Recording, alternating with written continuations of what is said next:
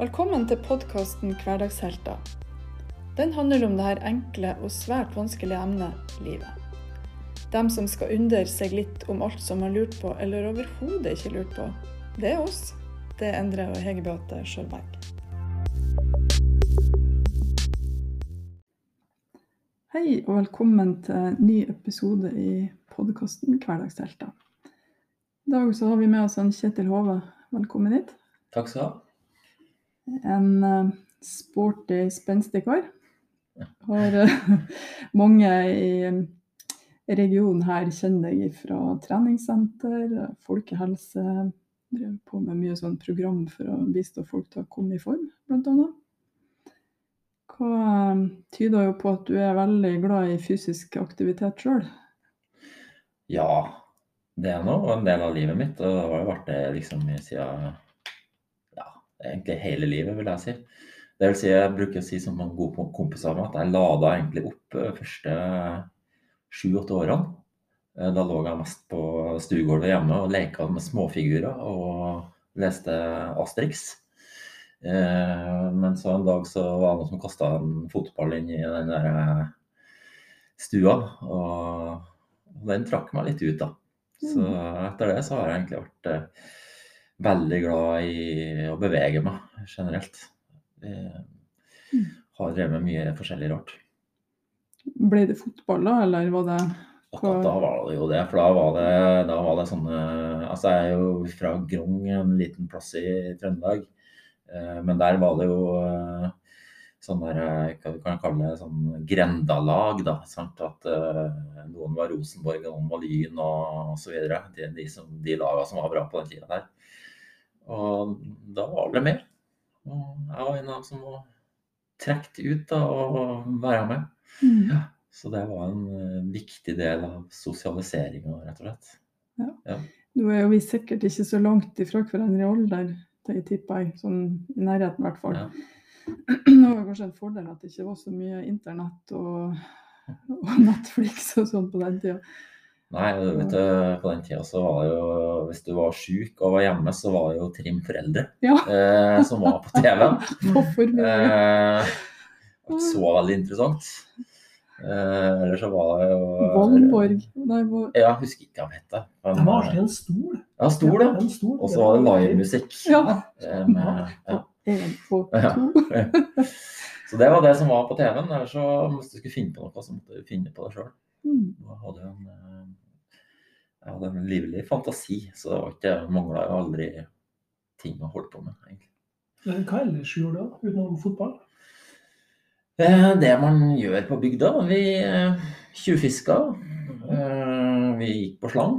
Mhm. eh, Det kan gi god kondis. Det gir veldig ja, hurtighet spesielt, tenker jeg. Vi bygde flåter som vi surfa nedover Namsen på. Litt, litt for langt av og til. Vi bygde eh, sånne trehus. Vi leka mye indianer og cowboy. Hvor mye visste foreldrene dine om det her? Minst mulig. Ja. Ja, Namsen er jo ganske stri. Ja, det er jo ei stor elv. Ja. Eh, Det er jo sikkert noen som har hørt om den fra de fleste er glad i laksefiske og sånn. Mm. Så nei da, vi fant på mye rart, egentlig. Eh, Og det var jo liksom fantasi og Ja, vi leika. Jeg syns nå at vi spilte fotball, så leika vi da òg. Vi leika at vi var den og den spilleren og Ja. Det var jo sånn vi holdt på. på en måte. Fantasi. Lite alvor. Veldig lite alvor. My, mye Det er sunt. mm. Sunt for unger. Det er sunt å ha Ja. drømmer Ja. og lyst til ting. Men eh, du gjorde jo litt ut av de drømmene dine, da. Med, med, du fortsatte med idrett. Og, Ja, altså Gikk eh, Idrett blir jo sånn at det blir jo mer seriøst på en måte når, når du vokser til. på en måte. Så fra jeg var sånn 12-13-14 år, var egentlig da jeg egentlig føler at jeg drev med idrett. Før det så leika vi egentlig bare. Mm. Uh, Men da begynte det å bli litt mer seriøst, at du ville være med på lagene. Og jeg drev litt med alpint også, så det var en viktig del. Og, ja, og i den forbindelse så, så begynte jeg for å spille litt på ja, ikke, kall kall ikke inntekt, da, men at man fikk litt lommepenger, så tok du liksom trenerjobber. Eh, og både i volleyball, som jeg drev på med, og, og i alpint. Så det var liksom første og Da var ikke jeg mer enn 14 år, tror jeg, når jeg begynte på med det. Og da drev jeg og prøvde å lære bort litt til dem som var yngre enn meg, da. Mm. Ja, så det var liksom der det starta. Og så eh, var jeg egentlig aldri tenkt tanken da at, at, at, idrett og fysisk aktivitet skulle bli noen sånn arbeidsvei. Jeg var egentlig eh, fast bestemt på at jeg skulle bli arkitekt. Eh, og jeg aner egentlig ikke noen annen god grunn enn at jeg likte å tegne. Og likte å tegne hus. Eh, og eh, Vanskelig å si om jeg var veldig god på det, men det, det gjorde jeg mye. Så det syns jeg var gøy.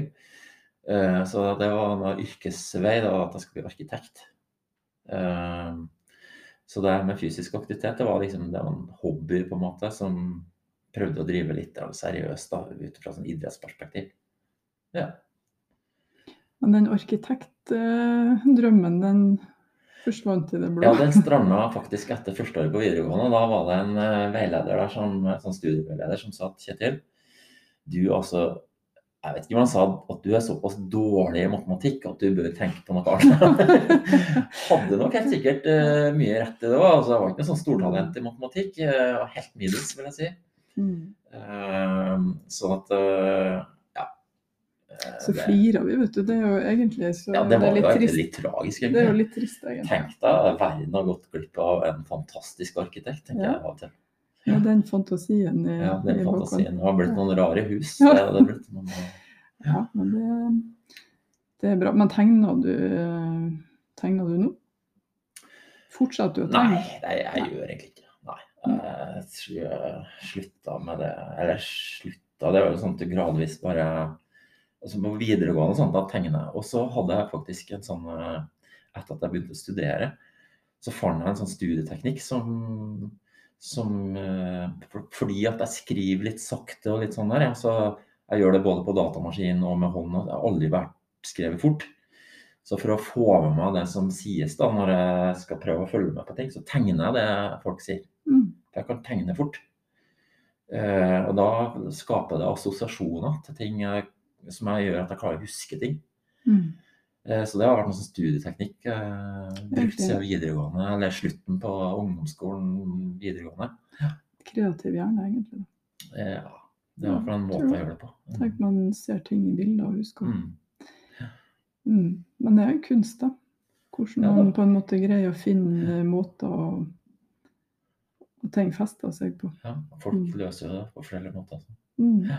Men når du gikk, er det videregående på Grong, eller? Ja, Den er, den, eh, den starta, starta videregående i Grong ja, to eller tre år før jeg starta på videregående. Så før det så måtte man til Namsos. Det er fire-fem mil unna. Mm. Så min bror har gått der.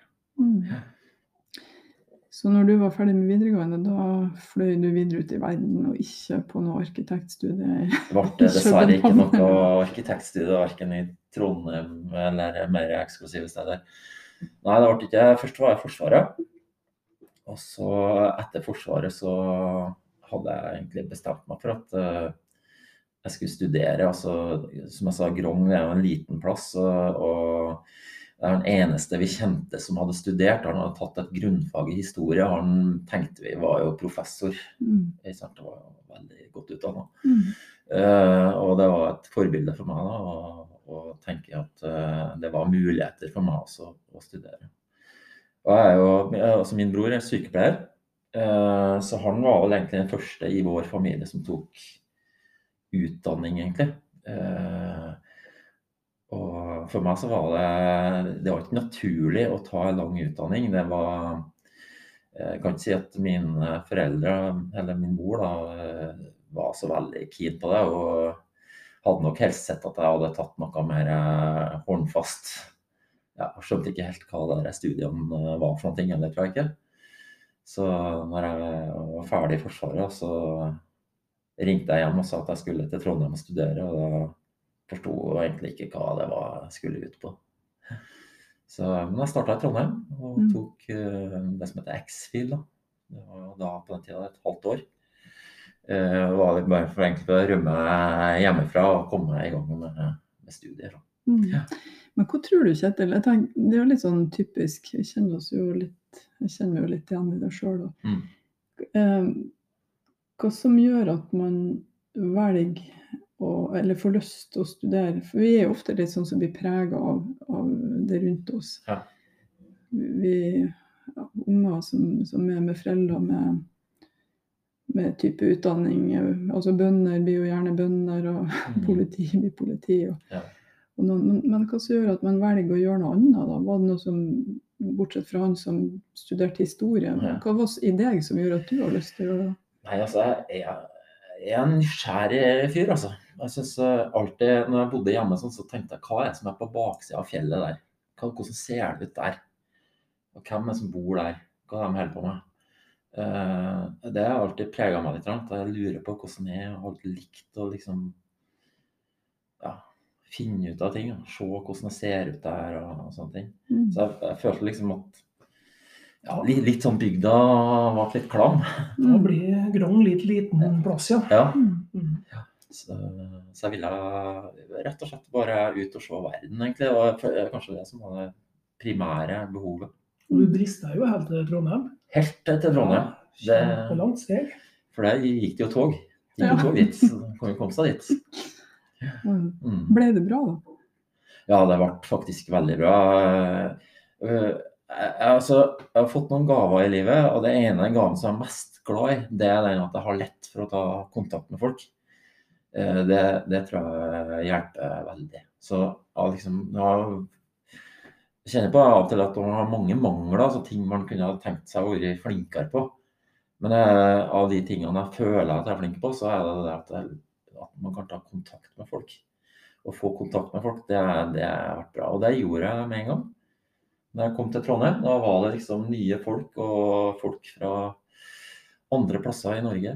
Odda og Oslo og Trondheim selvfølgelig.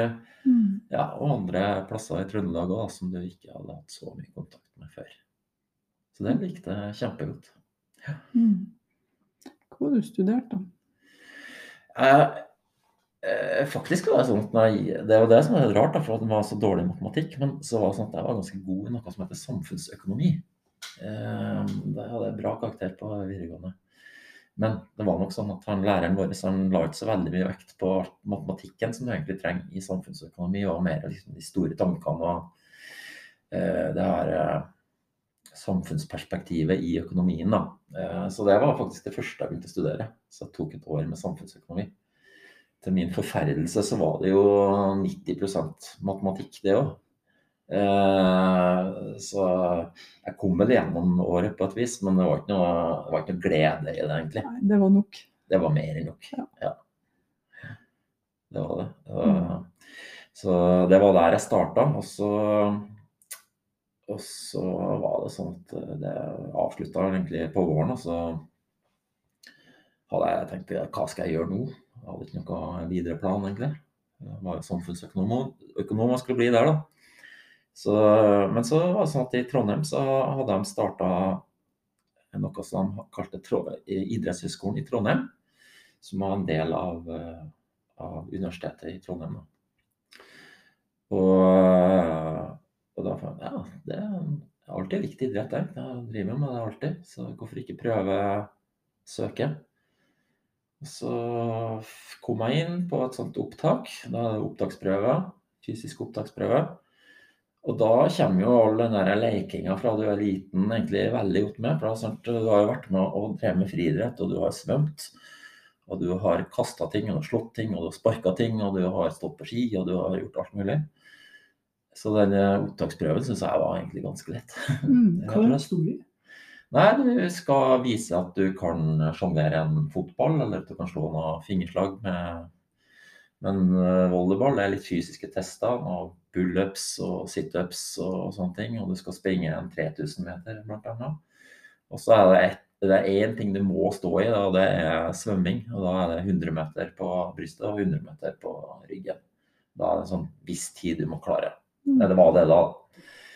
Eh, og det, all den allsidigheten min, den gjorde at jeg, syns det var ganske Det høres blærete ut uh, å, å si at det var lett, men Mm. for mange er, er det lett hvis du har gjort veldig mange ting. Det ble en leik. Det ble en leik, det. Så um, fikk du være der og holde på med det du syntes var artig, rett og slett. Ja, rett og slett. Og så oppdaget Jeg visste egentlig ikke så veldig mye om det studiet på forhånd, jeg må bare innrømme. Eh, sånn at liksom eh, fagene ble litt til etter hvert. Men eh, altså det var, Jeg syns det var superinteressant fra dag én. For at jeg har egentlig alltid vært opptatt av å være en OK trener. da. Fra, som jeg sa, starta da jeg var veldig ung. Mm. Så det å få liksom påfyll med sånt, eh, kunnskap innenfor alt fra treningslære til fysiologi, anatomi, så ja, skadeforebyggende tiltak, litt idrettsmedisin. Mm. Eh, ja. Det var liksom så bredt og så masse. Og jeg syns det var rett og slett et kremår å gå i grunnfag idrett. dette, var- Mm. og litt sånn folkeskole pluss, på en måte. Mm. Ja. Mm. Eh, og så, så kom du til Molde etter hvert, men det skjedde kanskje noe imellom her? før Ja, det skjedde litt imellom Ja. der. Jeg gikk jo to år i Trondheim på idrett. Og så hadde jeg egentlig lyst til å fortsette. Eh, Men da var det ikke noen naturlig fortsettelse der i Trondheim. Hvis du ville studere idrett. Så da flytta jeg til eh, Oslo eh, og kom inn på idrettshøyskolen, som er på Sognsvann, og fortsatte idrettsstudier der. Ja, så da var jeg i Oslo og fikk nye venner der. Ja, og der eh, eh, traff jeg kona mi også, første året jeg var i Oslo. Så, ja. Og vi treftes da på NIH. Mm. Ja. Det er for, for øvrig sånn typisk eh, eh, Det er sånn der eh, Hva man skal kalle det? Sånn eh, datingpool. Ja. Altså eh, NIH. Ja. Der, er, der er mange par som har treffes. Eh, Så bra. Um, så er det bra for oss at du kom til Molde etter hvert. Ja. Um, for du har jo brukt uh, utdannelsen din på mange forskjellige vis.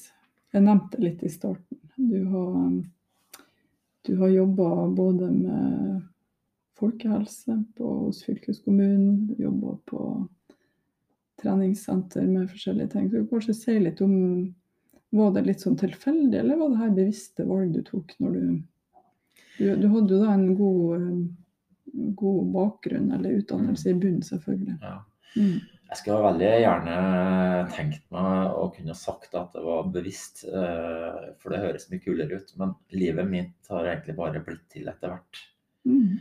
Eh, Og så har jeg ikke helt eh, tenkt over Jo, selvfølgelig har jeg tenkt over hva utdannelser kan brukes til. Og hatt drømmer og visjoner og sånne ting. Men jeg må ærlig innrømme at det meste har blitt til litt etter hvert. Eh, når vi flytta til Molde, så var det eh, fordi at kona mi Det er jo kona mi som er smart i vår familie, eller i min av oss to. Så det er hun som er smart. Eh, hun er da psykolog og fikk eh, jobb i Molde.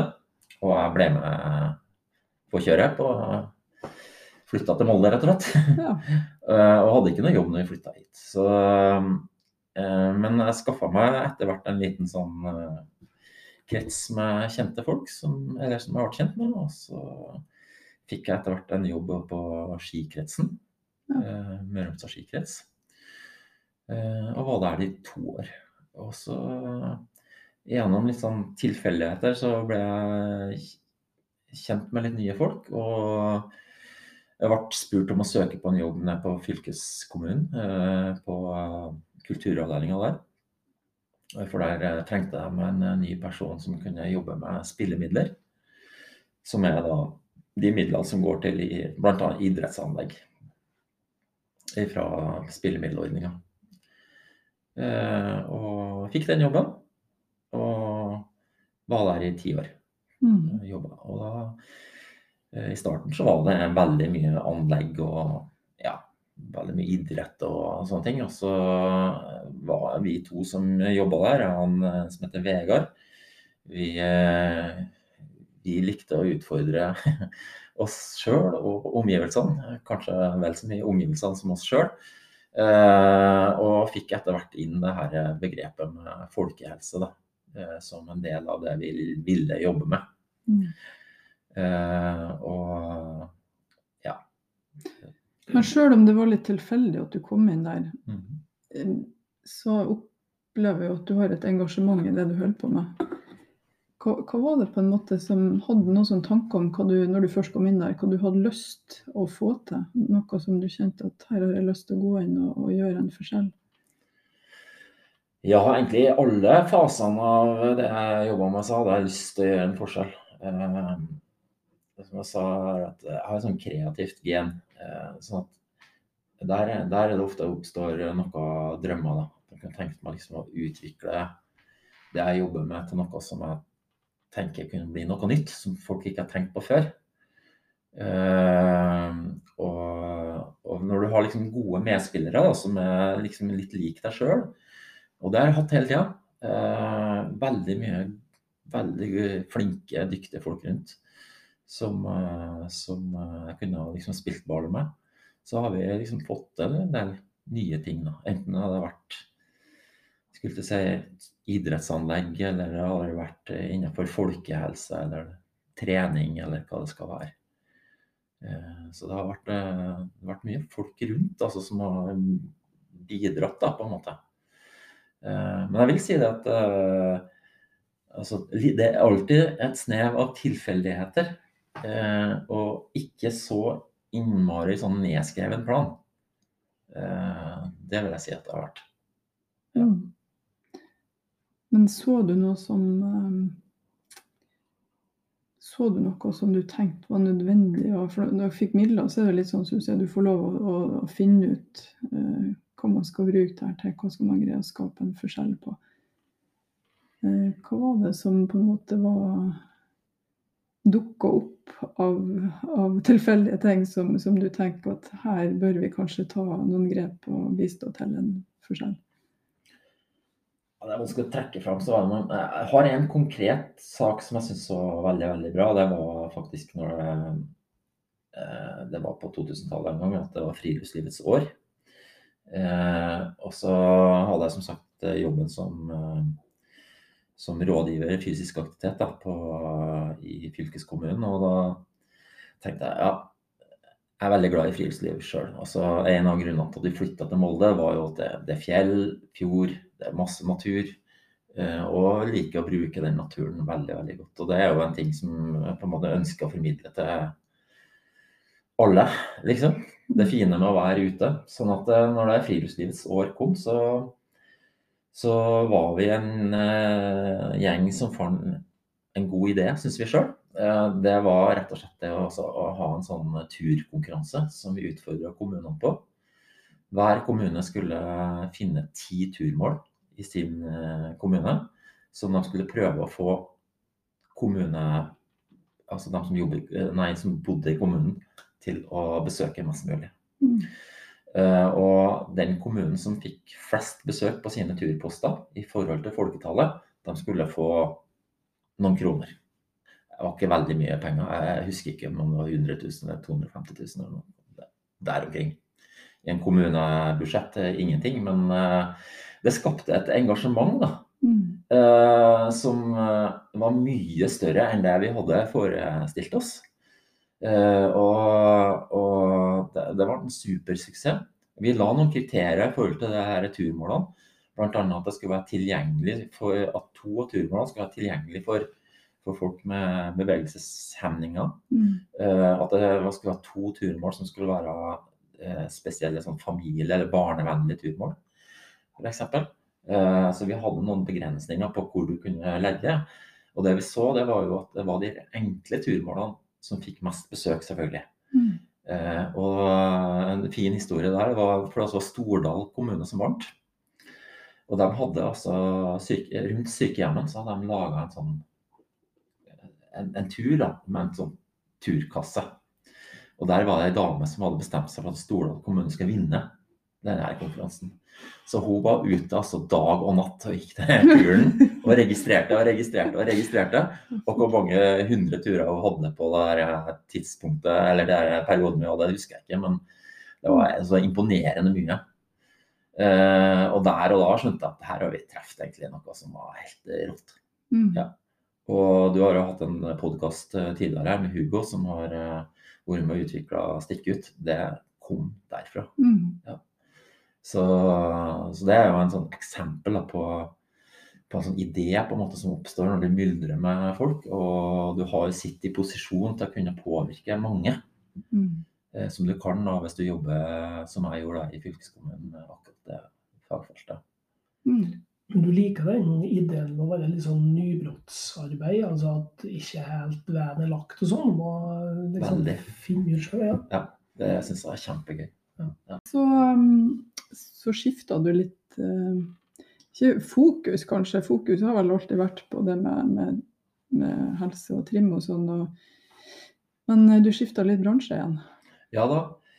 Det var i 2010. Så eh, jeg fant ut at ja, da var jeg i en alder da, der det var Jeg tenkte at nei, kanskje på tide å gjøre noe annet også. Ehm, så da dukka det opp et, en mulighet til å søke på en eh, jobb igjen. På BRIS treningssenter. Uh, og, og den fikk jeg, den jobben. Og det jeg skulle gjøre der, det var jo egentlig ja, Det du gjør da, når du blir ansatt på et treningssenter normalt, det er egentlig at du gjør alt. Uh, så det, du er jo selvfølgelig treningsinstruktør på alle mulige måter. Gruppetimer, du har eh, opplegg med enkeltmedlemmer, du har eh, ja, du, du er med på å utvikle senteret med tanke på utstyr. Du er vaktmester, du er IT-sjef, du er programutvikler. Du, ja, du gjør alt, egentlig. Eh, sånn at eh, det var vi tre som starta det treningssenteret. Vi hadde jo egentlig ikke noe erfaring med å drive treningssenter. Så da vi starta opp, så var det liksom helt fra scratch. Akkurat sånn som jeg liker det. Eh, finne opp Vi hadde noen vyer. Det ene var at vi skulle tilby alle som kom dit, skulle få eh, individuell hjelp eh, og tilrettelagt program for seg. Og vi skulle være på gulvet og hjelpe folk. Det var liksom det, de tre tingene som var liksom grunnlaget. da. Og, og det gjorde jo selvfølgelig at det ble mye hender og føtter i starten. Altså, når du starter noe nytt, så kommer det jo mye folk. Og ja, vi jobba døgnet rundt, egentlig, for å, at alle sammen skulle få programmet sitt. Eh, så det var en artig tid. Arbeidsomt eh, og slitsomt eh, samtidig, men veldig givende, da. Mm. Og det var jo liksom en ny måte å tenke treningssenter på på den tida der. Det vil jeg si. Ja. Mm. Um, hva som er viktig når man skal legge individuelt opplegg for noen? Gruppetimer, da lager du et program, og så må folk følge Ja. det, du, det du gjør. da. Det er Ja. litt sånn motsatt. Ja, nei, kort sagt så er det jo at du lytter mer enn du snakker som instruktør. Du har noen spørsmål selvfølgelig som du vil ha litt svar på. Men det å høre på folk er det viktigste. Eh, Hva er det de har lyst til å gjøre? Det syns jeg er viktig. Altså, hva er det som trigger dem? Hvorfor kom de inn døra?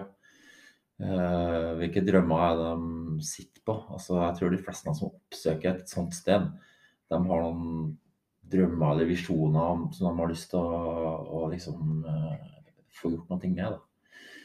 Eh, og så tror jeg at uh, en annen ting er at uh, mange kan ha liksom, i hvert fall opplevde vi det der, at en del har litt sånn frykt for å komme inn den døra. Det er skummelt. Eh, mye stigma rundt uh, treningssenter. Uh, ja, og det ser du jo fortsatt. Det er mye kropp. Det er mye, ja, mye fordommer, syns jeg. Eh, Så det prøvde vi å jobbe litt med. Jeg vet ikke om vi var flinke nok, men det var en av de tingene vi jobba med. Så når vi skulle lage individuelt tilpassa program, så var det liksom det viktigste at vi kunne få det ned på et nivå som det mennesket kunne håndtere. da. Som var motiverende nok til at det gidda å komme. og som kunne gi en liksom, treningseffekt som var litt i pakt med de drømmene og målene du hadde lyst. Og ikke minst også som var tilpassa liksom, den der eh, fysiske forfatningen du var i. Da. De, aller fleste av oss har en eller annen vondt her eller eh, problem der, eller Ja. Så, så det å tilpasse det og, og, liksom justere programmet sånn at man føler at her gir mening. Det var litt gøy å holde på med. Mm. Eh, og jeg kjenner at jeg blir i bedre form. Det er, det er et individ, godt individuelt tilpassa treningsprogram, spør du meg. Mm. Er det mye frustrasjon da, når man eh, kanskje møter eh, I hvert fall når man begynner å komme opp i en voksen alder, eh, så jeg merker jo at man må jo jobbe kanskje mer eller annerledes med ting. Eh, det dukker opp sykdommer man i hvert fall ikke ønsker seg og sånn. Ja. Mm. Snakker man mye rundt, eller når, når det er sånn individuell tilpasning, sånn rundt hvordan man greier å komme forbi de her frustrasjonene? på et vis? Ja, det, det, det skal man jo gjøre. Mm. Eh, da er det jo sånn når du har eh, altså, når du jobber på treningssenter, så er det ikke som å gå til fastlegen, for å si sånn. Selv om, eh, selv om, det var litt annet å gå på BRIS kanskje enn et annet sted, så, så ønsker ikke vi å sitte på en måte med pasientopplysninger. Eh, men en del folk er jo mer åpne enn andre. Og, og, og, da kan det jo komme fram eh, frustrasjoner. Det er veldig mange som har opplevd at de har starta veldig mange ganger og prøvd å begynne å trene, men ikke får det til. Og får ikke lage noen rutine ut av det. Eh, det er sånn gjentagende, egentlig. Og, og så er det selvfølgelig også dem som har vondter da, som gjør at de har brukt det som en unnskyldning i alle år egentlig for å ikke komme seg ut av sofaen. Ikke sant? Som på en måte nesten har blitt dytta inn døra. Mm. Ikke sant? At uh, jeg er, Svaret er at jeg er egentlig ikke noen sånn der fyr som drar på treningssenter. Uh, den har jeg hørt tusenvis av ganger, og det stemmer nok. Mm. De fleste av oss er jo egentlig ikke en sånn person som drar på treningssenter. Eh, men når vi har begynt å gjøre det, så oppdager vi at eh, mange i hvert fall oppdager at det er ikke så ille likevel. Det gjør oss godt, da. Mm. Mm. Er det noe sånn Hvis man holder på en stund, eh, når du legger et individuelt opplegg, setter man noen sånn frister? Det er jo sånn med andre ting. Hvis du skal venne deg til litt sånn mindfulness og meditasjon, så ser jeg at du skal holde på i tre uker, i hvert fall, så begynner det å bli en rutine på det. Ja. Er det litt sånn med trening òg? Det er det nok. Uh, men jeg tror det er veldig individuelt. Mm. Jeg har hatt uh, folk liksom, som har sagt at altså de, de, er egentlig ikke noe interessert i å trene, men de har bare fått av fastlegen igjen da, fått beskjed om at det bør da. Mm. Har jeg, da har jeg en sånn standardfrase. Jeg, liker standardfrase. Uh, det er den at uh, du trenger ikke å like trening. Uh, du liker som regel ikke å pusse tennene heller. Du syns i hvert fall ikke det er veldig gøy, men du gjør det et par ganger om dagen allikevel. Sånn kan du gjøre det med trening òg. Mm. Det går fint an å lage et treningsprogram som varer 15-20 minutter, som du gjør to ganger i uka. Og det er mye bedre enn null ganger i uka. Mm. Da må man starte der. Legg lista. Legg lista kjempelavt. Ja. Og så må man tilby en trening som bare gir rett og slett helsegevinst. For at uansett så vet du at en person egentlig ikke ville ha likt det. Du bare du må plukke ut det du vet gir mest valuta for tida den legger ned. Og alt er bedre enn null, da, som du sier. Sant. Ja. Mm. Men, men blir ikke litt sånn at det er litt sånn sjølforsterkende? For da har du jo tatt bort alt. Og ingen det er jo ingen konkurranse, liksom. Du sier at alt er bedre enn null. Ja. Men um, får de ikke noen små seire på veien likevel, da? Jo, noen får jo det, ikke sant. Og det er liksom artig å se at det er en person som nesten ja, ble tvinga inn døra av kona, f.eks. Ikke sant? Og fikk det programmet mitt på to ganger 15 minutter eh, i uka. Plutselig så begynner de å dukke opp en tredje og fjerde gang, og kanskje har de en av dem en halvtime og har lagt på litt på programmet sjøl. Eh, det er jo sånn at det som er fint med trening, det er at de som er absolutt dårligst form, de vil jo oppleve en astronomisk framgang. Mm. Det er jo fra gang til gang. Mens, eh, mens folk som har trent hele livet, de, de må jo bare vedlikeholde. Det høres så trist ut, men det er jo det som er sant. Mm. Det er veldig vanskelig å få framgang hvis du er i bra form. Ikke sant? Det er jo steintungt. Men det, Mm. har du vært en sofagris hele livet, eh, så tar det bare to-tre uker det, å komme i en mye bedre form.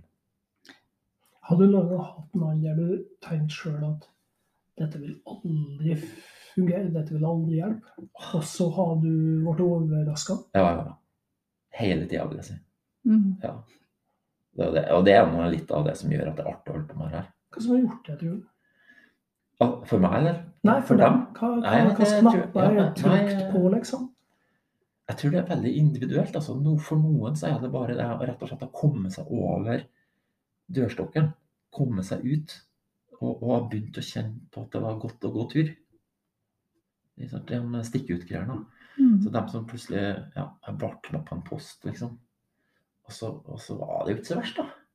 Kanskje hadde de med kaffe og kosa seg ute og ble litt svett. Det gikk helt fint. ikke sant? Eller det er personer som aldri har vært på et treningssenter og hadde alle de her eh, fordommene, og så plutselig oppdager de ja, det er jo kjekke folk her òg. Prater med dem om hverdagslige ting og Mm. Ja. Litt det sosiale. det sosiale. Mm. Og det kan man jo velge sjøl. Ja. Du kan jo trene for deg sjøl, eller du kan velge at du faktisk får litt sånn sosialt nettverk Ja. på trening. Mm. For dem er mange jeg møter, de har hatt mye negative opplevelser. De har vært de som har vært, vært valgt sist i gymmen, Ja. og egentlig trening er forbundet med noe negativt, Ja. noe skamfullt. Noe, Mm. De har egentlig bestemt seg for at dette skal jeg aldri mer gjøre, for dette får jeg ikke til. Sant. Og så kommer jeg til deg, det Kjetil. Ja, ja, ja. Og jeg kjenner meg litt igjen i det, for at jeg var òg en sånn fyr som som sagt, jeg brukte ja, de første leveårene mine på å lade opp, som jeg bruker å si. Så jeg var ikke den som sto først eh, Altså, jeg var innbytter i fotball i tre år før jeg fikk lov til å spille fotball. Mm. Eh, så jeg kjenner meg litt igjen i de folka. Eh, altså det er egentlig det er ganske lett å prate med folk og, og, og forstå det, tenker jeg da. Eh, og så og så tenker jeg at den erfaringa eller kunnskapen som jeg har opparbeida meg opp gjennom åra eh, Jeg tenker at dess enklere du gjør det, og dess mindre eh, tid du trenger å bruke på fysisk aktivitet til sånne folk, dess bedre er det. Altså Mm. to ganger 15 minutter. Mm. Tren 15 minutter på tirsdag og tren 15 minutter på fredag. Og så har du gjort noe. Og det bygger sjøltillit. Nils Arne Eggen sa at Nils, eh, han sa at eh, sjøltillit er jo ikke noe du er født med. Det er noe du får når du gjentar suksess. Eh, og det er jo helt riktig. Så når du får liksom oppleve at ja, det gikk bra, jeg klarte det, da er det litt lettere å komme igjen neste gang. Ikke sant? Mm. Kjempeviktig, da. Så du ser hvis ikke starte eller gå ut for hardt, som mange gjør i januar, da, eh, etter nye nyttårsforsett. Ja. så, så detter man rett ned, men, men rett og slett tenk at man eh, starter enkelt og greit og overkommelig. Ja. så er det jo godt å ha noen som heier på, tenker jeg, sånn som du gjør. Eh, det tror jeg jo er godt når man syns ting er tungt. Men, men du har jo litt personlig erfaring òg med Det er jo ikke alltid sånn at at vi har eh, At vi ikke fungerer like godt i kroppen som vi har lyst til bestandig heller. Du har hatt litt personlige utfordringer på helsesida, du også. Ja da, det, det, er noe, altså det er noe med oss alle. Så, um, for min del så er det at jeg har en sånn psoriasisartritt som uh, har hemma meg. Da. Det er en slags form for uh, leddgikt for dem som ikke har hørt om det. Uh, og det var noe jeg fikk uh, jeg var 18 år. Jeg fikk påvist det første gangen. Da jeg var 18 år, da var jeg i Forsvaret. Så, uh, og da var liksom der kanskje ble gjort litt sånn oppmerksom på det. da, At det var begrensninger på ledd, og at det kunne ha smerter og sånne ting. da. Men det, det som har vært uh, med den sykdommen, er jo at uh, den har den har liksom for, jeg, jeg er litt sånn glad for nå, på en måte. For at den har, har forma livet mitt i veldig stor grad. Uh, for at når jeg var i eller året før, året før jeg dro i Forsvaret, så var jeg veldig alpin. Ja, drev mye med alpint. Og, og hadde mye smerter der. altså Mye vondt i knær og, og rygg og, og sånne type ting. Og fant ut at nei, det, det her eh, Da må jeg liksom bare legge opp, da. Mm. Eh, Men så, så begynte jeg liksom uh, av en veldig god kompis å, å, å kjøre med noen fryktelig lange treski om noe som han kalte for Telemark. Eh, og det, er- nå snakker vi altså 80-tallet, så det var liksom før Telemark-bølgen. Eh, og da, da var det liksom med sånne det vi kaller backsum-sko, rett og slett sånn gammeldags lærsko. Og et par ski som var 7,5 fot, altså kjempelange ski. Ja, treski. Eh, og det for vi opp i fjellet og kjørte med. Og da hadde jeg ikke noe vondt noen plass. Eh, for at eh, du fikk på en måte varma opp, og det var mjukere bevegelser og sånne ting. Eh, så da fikk jeg liksom holde på med den skigleden, da. Og det der har jeg liksom, det, det, sånn har det vært mange ganger.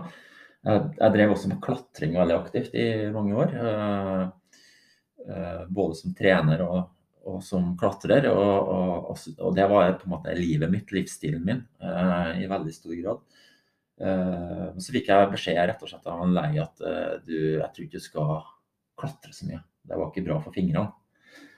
Eh, og det kjente jeg jo. Så, så, jeg, så jeg slutta på en måte å klatre. Eh, men da begynte jeg å sykle. Eh, for at noe må vi holde på med. Eh, og terrengsykling ble liksom en sånn ny passion. da. Så jeg har liksom alltid vært sånn passion Mm. Jeg har fått passion for ting. Skifta fokus. Skifta fokus. Ja. Ja. Og det har det liksom den sykdommen mener jeg har gitt meg det, da. Eh, Mm. Høres litt så, sånn rart ut, men eh, den har liksom at jeg måtte skifte fokus og fått brukt ja, allsidigheten veldig. da. Mm. Mm. Er det noe idretter du aldri har drevet med? For det, du har jo du har drevet med alt, du. Det er jo helt sikkert masse idretter jeg ikke har drevet med. Altså, sånn som vannsport, f.eks. Det er ikke noe eh, Jeg har, vært, jeg har sittet i seilbåt, eh, men der var jeg virkelig femte hjul på vogna, altså. Og sjøsjuk og alt det der. Du så Eh, kasta ved bord. Ja, For det var ikke noe nei, det kunne Altså haimat, vil jeg si. Der. Eh, ja, det var sikkert helt drøss med andre idretter også. Men jeg har Har vært du kommet deg på golfbanen? eh, Nei. Og det var godt å Ja, det er godt. Ja, ja. Det, så det har jeg, jeg har, Og der, der skal jeg ta sjølkritikk, for det er noen som kjenner meg sikkert. Og at jeg har sagt at jeg skal starte med golf når jeg blir pensjonert. Eh, Med en sånn der attitude at det er pensjonistsport. Jeg trekker det tilbake. Det er ikke noe pensjonistsport. Det er sport like bra som alle andre. Mm. Og det ser jævlig kult ut, men jeg har ikke, jeg har ikke bare fått begynt på meg. Men snart så får jeg sikkert Mm. passion på det. Ja. Når du må vri om på litt aktivitet. Ja. Det blir jo litt sånn som uh, kong Harald sa til dronning Sonja. For dronning Sonja har jo så lyst til at kong Harald skulle lære seg fransk. Riktig. Uh, og så sa hun da eh, Og kong Harald har aldri hatt lyst til å lære seg fransk. Mm. Mens dronning Sonja er utrolig glad i Frankrike. Så sier jeg du må jo lære deg fransk. Ja, men hvorfor må jeg det, da? Ja, men det er bra for deg. Ja, men er det ikke litt sent nå, da? Sier jeg. Nei da, du vet det, kong Harald. Det er aldri for sent. Ja, men det er da aldri for seint, altså, Sonja. Ja. Nei, men da tror jeg jeg venter litt, da. Sånn er det med golfen med meg òg. Ja, Jeg sier ikke at alle skal drive med golf, men jeg, jeg venter med det. ja, det, ja, det skal jeg. Så den kan du ta. Ja, jeg skal bruke den. Jeg skal bruke den. Det er litt sånn, jeg synes jo golf Jeg hadde jo heller spille golf enn å klatre, da, men det er jo igjen høydeskrekken min som slår litt inn. Så Sier du som har brattkortet. Jeg har det. Ja, Jeg har vært på så det. Òg. Ja. Eh, Da har du ikke høydeskrekk. Det, det kan vi slå fast, du som kan diagnoser. Du, eh, jeg var med på den turen. Ja. Uh, Hun klatrer opp og ned Innerdalsskjoldet uten å ha øynene åpne. ja, det er en måte å gjøre det på. Det er en måte å gjøre det på. Ja. Sånn er det. Vi må utfordre oss på forskjellige plan Ja, ja. mm, innimellom. Vi må det ikke, men det er litt sunt, da. det sant. Mm. Men eh, litt tilbake til det, for det er jo en ting som eh, dere gjorde også. Det er jo ikke bare inne. Det, Bris har jo hatt en sånn Du hadde jo en, en del fjelltur og turer ute som du, dere tok med folk på. Ja, og det, det er en, eh, en sånn? Når vi starta på BRIS, så var det sånn, jeg hadde et lite intervju med folk da, for å få kartlegge hva du har lyst til å holde med, hva du har gjort før osv. Og jeg vil si at 100% av dem som kom innom, sa, sa det at uh, turgåing, det var det de likte. Og det å gå i fjellet, da, det var det aller, aller beste. Og jeg har av og til sagt at hvis antallet personer uh, som har sagt til meg at de går på tusenårsvarden så mye som de gjør, så ville tusenårsvarden vært 200 meter lavere. Uh, så det er en smule overdrivelse, sikkert. Mm. Men det å gå på tur, det er en veldig passion. Og det skjønner jeg, altså, for naturen eh, skriker jo til oss her om at eh, kom deg ut, liksom. Eh, så det tok ikke mange åra før vi starta med organiserte turer på Bris. Og da var jeg en av dem som tok initiativ til det. da. Og jeg har, jeg har en veldig glede av å gå i fjellet sjøl. Både sommer og vinter og høst og vår og med ulik vær og alt mulig. Så jeg syns det, det, er en veldig fin ting. Det er en av grunnene til at vi flytta til Molde. Mm. Var, ikke jeg, men kona mi hadde flere jobbmuligheter. Men det var på en måte naturen som ropte vi mm. kom hit. Mm. Ja. Så det er vel sånn med, med det å, legge, å lage turer der man, man, gjør det i lag. Uh, Selv om mange liker å gå på tur, så er det jo mange som kanskje savner noen å gjøre det med, eller som Så litt den sosiale biten, at man har noen å dele med. Eh, det er helt riktig. Kan jo kanskje være noe som, som tråkker litt, da. Ja, og så tror jeg òg at um, altså det er flere årsaker, men det sosiale er kjempeviktig. Og så tror jeg det er mange som har litt sånn Ja, de er ikke helt uh, sikker på egen kompetanse da, på å komme fram eller komme opp eller ja, mye usikkerhet knytta til det å bevege seg i naturen. Uh, så når, når eh, vi arrangerte, så brukte vi mye tid på å informere om turen. Uh, og vi I starten så var det egentlig veldig veldig lette turer, vil jeg si. Og så har det liksom det her eskalert litt, da. Men, men, det at du skapte en sånn trygg ramme, det gjorde at mange meldte seg på. Og ja, det tror jeg var bra. Altså, vi har hatt veldig mange med på turer. Vi hadde f.eks. 30 stykker oppe på innendørstårnet samtidig. Mm.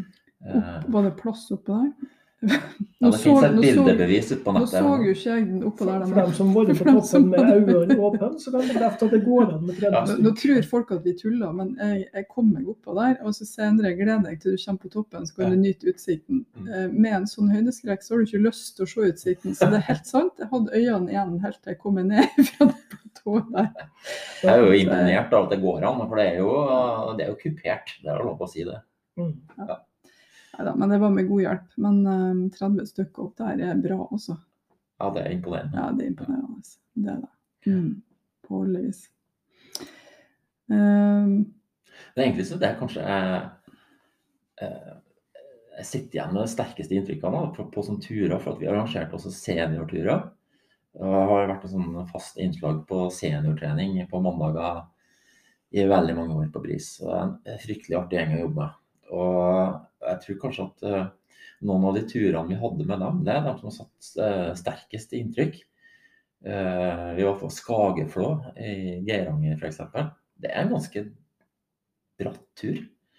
Og der hadde vi altså Jeg husker ikke hvor mange vi var, men det var en hel buss som dro av gårde. Og vi fikk alle sammen opp til der setra. Ja. fantastisk vårvær i i Geiranger. Og, og det å se liksom eh, gleden til folk eh, på, eh, som er oppe i 80-åra, faktisk. Gå mm. opp der og klare å komme opp. Den, den, det er verdt det, er verdt det, for å si det sånn. Men da hadde vi faktisk trent altså fra høsten og hele vinteren med tanke på den turen. Vi annonserte at vi skulle dit på høsten, og vi brukte det som motivasjon for å trene hele vinteren. Og, og folk møtte opp, og vi, vi, kjørte trening som gjorde at de kom seg opp på Skagflå. Mm. Stor glede, sikkert. Det var voldsomt. Ja. Det er jo fantastisk å få med et helt busslass med folk og, på, på, en sånn tur. Eh, jeg tenkte det var tydeligvis stor glede for både dem og deg. Um, du har jo liksom jobba med bredden med folk, da. Dette var en eldre pensjonister, som du sa. Og så har du jobba mye med ungdom også. Ja, jeg har jo, og det er jeg veldig glad for. Det er en, som er mange tror jeg, som kan skrive under, som har jobba mye med ungdom. Det er jo en måte å holde seg vital på. Eh, når du blir liksom voksen. Det å liksom å holde kontakt med den, med den gruppa. Eh, jeg syns det er veldig artig.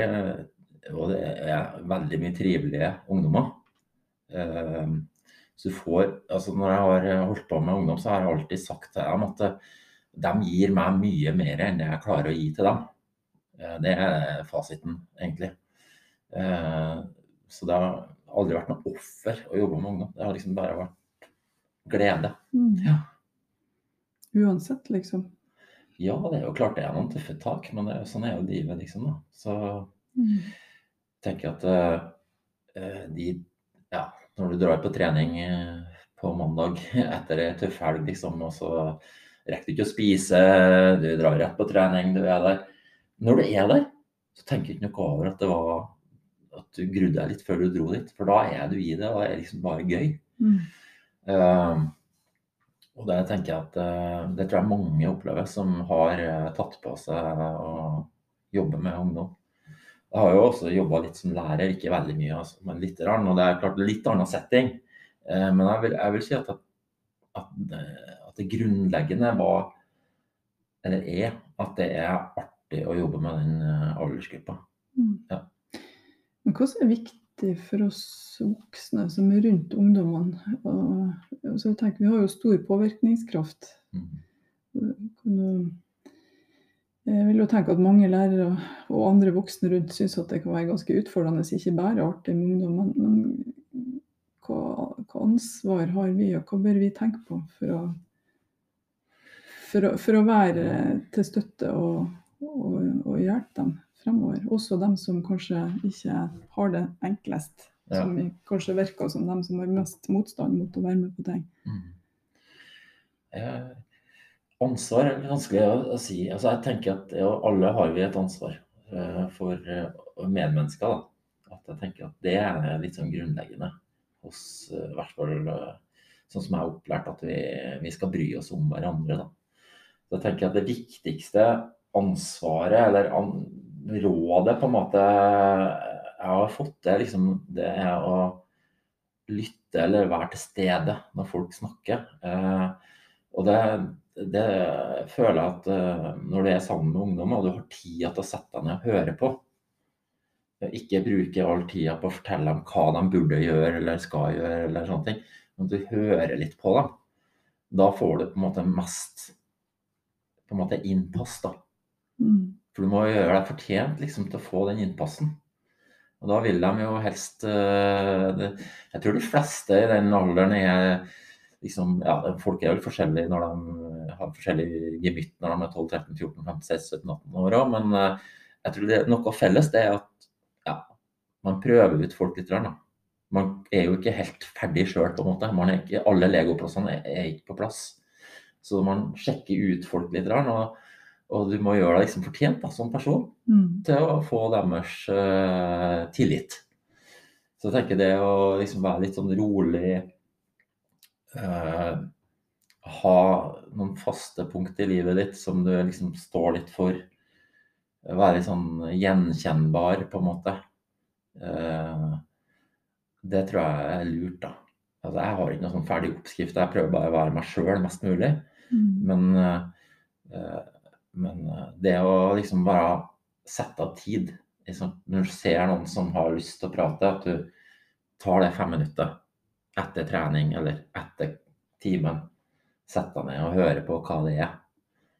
Eller hvis du ser noen som du helt klart trenger litt mer hjelp, og så vet du at ja, jeg er ikke kanskje riktig person, skaff riktig person. Snakk med noen. Mm. Du er det noe vi kan legge til rette for. Blir det bedre hvis vi gjør det sånn? Så trenger du kanskje ikke å snakke med den ungdommen heller. Du kan bare bruke den erfaringa du har da, fra livet liksom, til å gjøre livet lettere Mm. for noen andre. Det høres ut som du har litt trua på folk, ikke bare ungdom. Og du får jo også eldre i gang, men jeg tenkte den her eh, Det at man, man, man ser etter mulighetene kanskje mer enn begrensningen. Tror du at man, hvis man greier å gjøre det, at man Tror du at det er mange av de ungdommene som ikke har det sjøl, Kjetil? Kanskje ikke har den store trua bestandig? Det er jo klart det. vet du. Det vil alltid være et problem. Eh, det er med, som jeg sa, sjøltillit er ikke noe du er født med, det er noe du får når du gjentar suksess. Mm. Og det er jo ikke alle som har liksom de ressursene rundt seg i livet som skal til. Det er mange som får en tøff start. Mm. Og de, har, de, ungdommene der har jo også vært borti. Og man kan jo sitte igjen liksom nå, da, når du liksom uh, har, har, levd litt av livet, så har du mange ganger Eller du sitter igjen med noen få som tenker at Der, Kjetil, der gjorde du ikke en bra nok jobb. Der burde du ha tatt kontakt med noen og fått liksom løst på ting, da. Eh, gjort det litt lettere, på en måte. Men du klarer ikke å hjelpe alle. En, du har en viss porsjon liksom, eh, hjelpekraft da, som du kan nå ut til. Og så tenker jeg at uh, klarer du å, å, å, legge til rette sånn at du har uh, Du bruker den energien du har, på en måte, på flest mulig. Mm. Sånn som i den posisjonen jeg har vært, ja. Så, så har du i grunnen gjort en OK jobb. Mm. Ja. Tror nok du har hjelpa mer enn du ikke har. Og så husker man kanskje veldig godt dem man skulle ønske. ja, det er akkurat det. Sant? Det er noen, eh, noen der som du tenker at åh, jeg gjerne ha vært der ja. da. Ja. Får håpe at det var noen andre der i tillegg. Jeg tror, eh, men jeg, jeg, kjenner jo deg som en person som viser at du ser folk, og du lytter. Og du har jo gjort en stor forskjell for mange. Det har du. Det, det kan jeg skrive under på. Jeg hører mange, mange si det òg. Det at man på en måte møter noen som har lyst til å gjøre en, en, forskjell for deg. Jeg tror kanskje at vi alle sammen trenger noen som ser oss, eller som, som viser at om Det ikke alltid vi greier å gjøre en forskjell, men vi har i hvert fall en intensjon, og vi har lyst til å være der hvis noen trenger oss. Mm. Det er vel litt sånn for oss alle innimellom.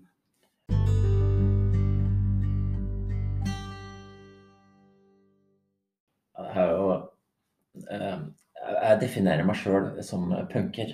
Det er, litt, det er veldig 70-talls, det hører jeg. Men det som jeg har likt med punkemusikk, det er den her at du kan spille liksom med hjertet utenpå skjorta. Det er sånn passion, da. Mm. Det har jeg alltid hatt sånn veldig sansen for. Og mange av de ungdommene jeg treffer, liksom, de har jo en eller annen passion. ikke sant? Om det er musikk, eller om det er liksom eh, bil, eller om det er idrett. Det spiller jo ingen rolle hva du er interessert i. liksom.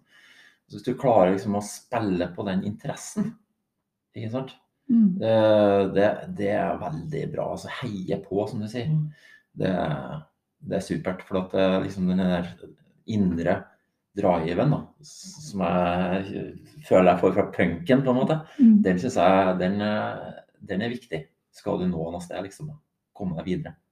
Jeg tror vi har alle en punker i oss, ja. ja. jeg er litt usikker på om jeg har en punker i meg, men jeg skjønner, jeg skjønner, jeg skjønner sammenligninga. Mm. Kanskje jeg har funnet en indre punker heller? jo. jo, kanskje. Foreslå en hanekam, kanskje? Ja. ja prøv det. Ja. Mm. Um, litt um, Vi bruker å spørre alle som er her om en liten ting, Endre? Ja, det er at alle våre gjester de eh, blir litt utfordra på å finne noen som har vært viktig for dem eh, opp gjennom oppveksten eller i voksenlivet òg. Noen som har heia på og gjort en forskjell for dem. Har du noen, Kjetil, som du tenker på når jeg sier dette her? Jo, det er, altså, det er, det er jo mange. Det sier sikkert veldig mange også. Men det er klart, jeg har, jeg har vært heldig med veldig gode lærere på spesielt ungdomsskole og videregående. Veldig flinke lærere. Og så uh, Jeg mista faren min litt tidlig, uh, så det var en sånn nedtur, på en måte. Eller ja, tung, tung periode. Og da, da ble jeg veldig god kamerat med en, uh, en fyr som er fem år eldre enn meg. Og klart Når jeg er 14-15 og den personen er 19-20, det, er, det er så stor aldersforskjell. Ja. Vi fant liksom hverandre i noen sånn aktiviteter. Uh, og han Håvard, da, som han heter, han, han, han var veldig viktig for meg fram til jeg var sånn 20-30 år, faktisk. Mm. Jeg forma meg som person og, og ja, var helt sikkert med og, og bidro til den utdanninga jeg tok også. Og i voksenlivet så er selvfølgelig kona mi en fryktelig viktig person. Eh, så, og det, hun vil jo forme livet mitt hver dag. og så det er en veldig pers eh, viktig person. Eh, I tillegg så har jeg en god kompis her i Molde som heter Vegard, som har vært med meg på alle de sprellene som, som, jeg liker å måtte ta av og til. Så fortsatt, selv om jeg ikke seiler på på reft eh, ned Namsen lenger. Så jeg må ha noen sånne sprell hvert år. Eh, på en måte Der du får uh, lufta vingene litt og gjør noe som er litt utafor komfortsona. Så jeg og Vegard da, vi er, vi er, to sånne. Vi tenker litt likt.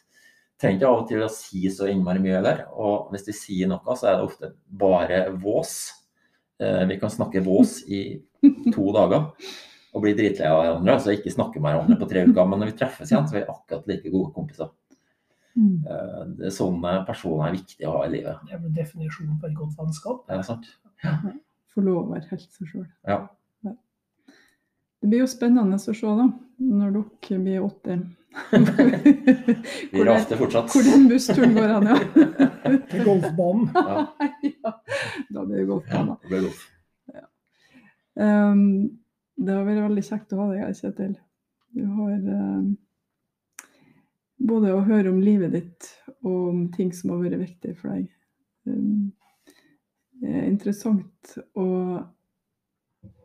se på en måte hvor vi kan snakke om hvor vi kan påvirke andre, og at det faktisk påvirker oss sjøl mens, mens, vi gjør det. Jeg opplever at du beskriver at når du gjør en forskjell for andre, så betyr det veldig mye for deg. Jeg har lyst til å gjenta at uh, fall for de ungdommene der, så det, altså, de gir meg mye mer enn det jeg klarer å gi tilbake. Så det er jo uh, Om det ikke er av egoistiske formål, så, så, så, sitter man igjen med veldig mye av å bidra litt. Mm. Mm. Takk for at du har vært med her, og takk for at du gjør en forskjell for så mange hver dag. Jo, takk for at jeg fikk komme. Og til neste gang så skal vi finne den indre punkeren i Hege. Ja.